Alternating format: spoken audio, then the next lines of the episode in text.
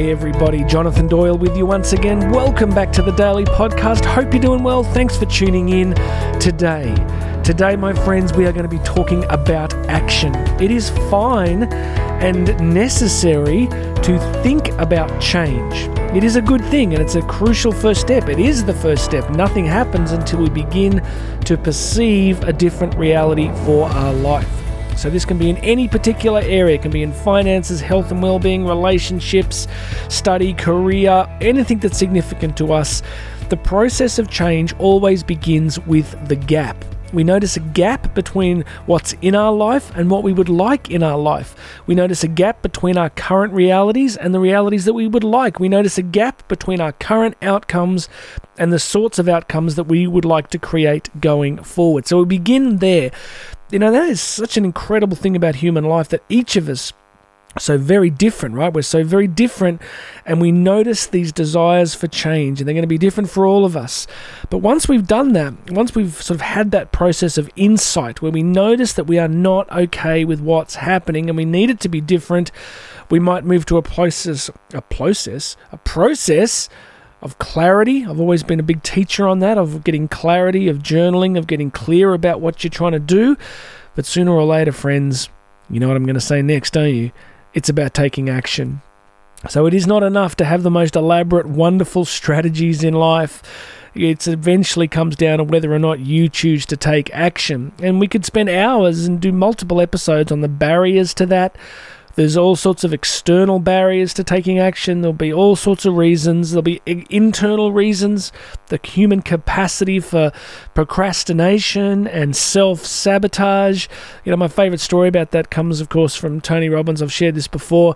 You know, he tells a story of being at a conference and he got everybody excited about change and goals and all that stuff's happening.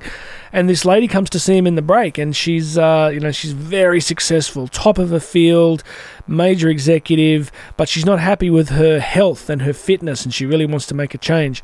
So you know she tells tony that she's got this elaborate plan. She said i heard you talking and i wrote this stuff down and i and i've developed this 15 point action strategy and i'm going to do this and this and this and he stopped her. He said, Man, man, please. He said, You don't need any of that. You just need a large person behind you screaming, Run. I always like that. You know, the simplification she was almost self sabotaging by building in too much structure and not taking action. I mean, this is what I mean by the capacity for self sabotage. Sometimes we do nothing in life, but sometimes we make such elaborate plans and think about it and strategize about it that we don't actually take the step. And the simple step. So here's these two quotes I want to share with you. First one comes from the famous Mohandas K. Gandhi, also known as Mahatma Gandhi. And I'm sure many of you know that Mahatma means great soul. That'd be good, wouldn't it? At the end of our lives to be referred to as Great Soul, you know, Mary, Great Soul Bill. But here is Great Soul Gandhi. Mahatma Gandhi says this very simple three words. I love the wisdom here action expresses priorities. Three words action expresses priorities. What we actually do with our bodies, with our time, with our resources is the direct expression of what's important to us. So think about this. If there's something in your life that you're trying to change, but there's no action happening around it, well, you can tell yourself whatever you want. But it's obviously not a significant priority for you. I mean, really, you know the old the old saying where uh, where energy goes, action flows. Right? You know, it's it's what we do with our real physical resources, our energy, our time, that expresses what is important to us. So you want to look into your life now and say, where's the action in my life? Where am I spending time? Where am I?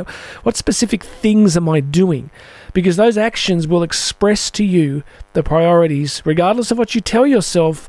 Your actions actually express the real priorities. So once I get out of the studio today, it's uh, below zero here today, but I'll be in the gym for a while. I've been enjoying uh, getting back in there, lifting heavy again, and uh, that's you know my action is an expression of the priorities. Um, um, today I'm going to be working most of the day, but then I love cooking, and we've got a great guest coming over tonight for, for dinner. So I love to cook, so I'm going to go out and get all the stuff I need for that. Then I'm going to allocate time to that. Why? Because the action expresses the priority. What's the priority? Family, friendship, relationship, communication. These are important things for me, so my action goes that way. So look into your life. Where is the action? Because that action is showing you what is actually important. And if you want to change what's important, if you want a different outcome, then the action needs to move into different areas. And the other quote that I wanted to share with you on this comes from Albert Einstein. So, look, you should be grateful because you're, you're, you're getting this podcast for free and you're getting access to some of the greatest people in human history, my friend. Today we're talking about Albert Einstein. He says this. It's very simple. Now, let me give you some context here. This is the person who we go for. I was talking to my one of my to my son about this yesterday. Uh, Newtonian physics from uh, Isaac Newton sort of was incredibly influential, and then Einstein moves this whole thing in a massive new direction. So Einstein, of course, one of the great figures of history and science, says this: nothing happens until something moves. Think about that. Think about his incredible insight into the cosmos, into quantum physics, into the nature of reality. But he starts from this premise nothing happens until something moves. So let's take that and apply it to this field of personal growth and personal development.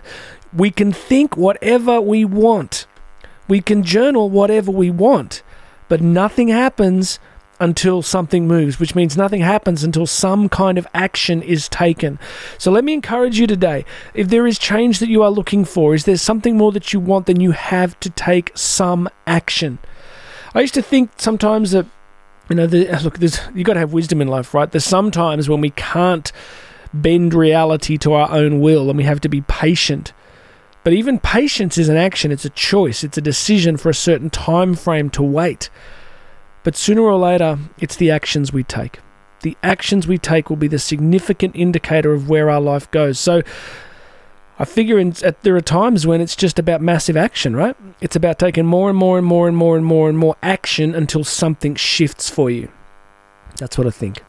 All right, so Gandhi tells us actions express our priorities. Einstein tells us that until we take some action, nothing's going to happen. There, there is no change until action begins. All right, friends, I hope that's encouraging. I really want to encourage you that uh, the life you want and the blessing that you can be to so many people is on the other side of this constant change, of this constant action taking. That's what shifts your life. That's what changes your life. Not what you think, it's what you do. And what you think will inform what you do. So you want to be thinking well and feeding your mind with good stuff. But sooner or later, we've got to get off that start line and get something to happen. All right, that's it from me. Hey, do me a favor. Come and support me on Patreon patreon.com p-a-t-r-e-o-n.com just do a search for jonathan doyle. I've had uh, people all over the world in the last few weeks just uh, getting behind what i'm trying to do. Obviously everything i do is free but uh, the support of a few people has been just profound. Some people are sponsoring me $1 a month and that is totally fine. Some people are, spo- are sponsoring me a lot more, which is just really humbling. You can cancel it at any time. So please, wherever you're hearing this, come across to patreon.com, do a search for Jonathan Doyle, and get behind what is happening here. Please make sure you've subscribed. If you like the podcast, hit that subscribe button, share it with some friends. That's it for housekeeping. Let's do it. Let's get off the start line. I want you to turn this podcast off and ask yourself the question where do I need to take action and then do it? Make the call join the join the gym whatever it is friends it'll be different for every single one of you but off the start line okay?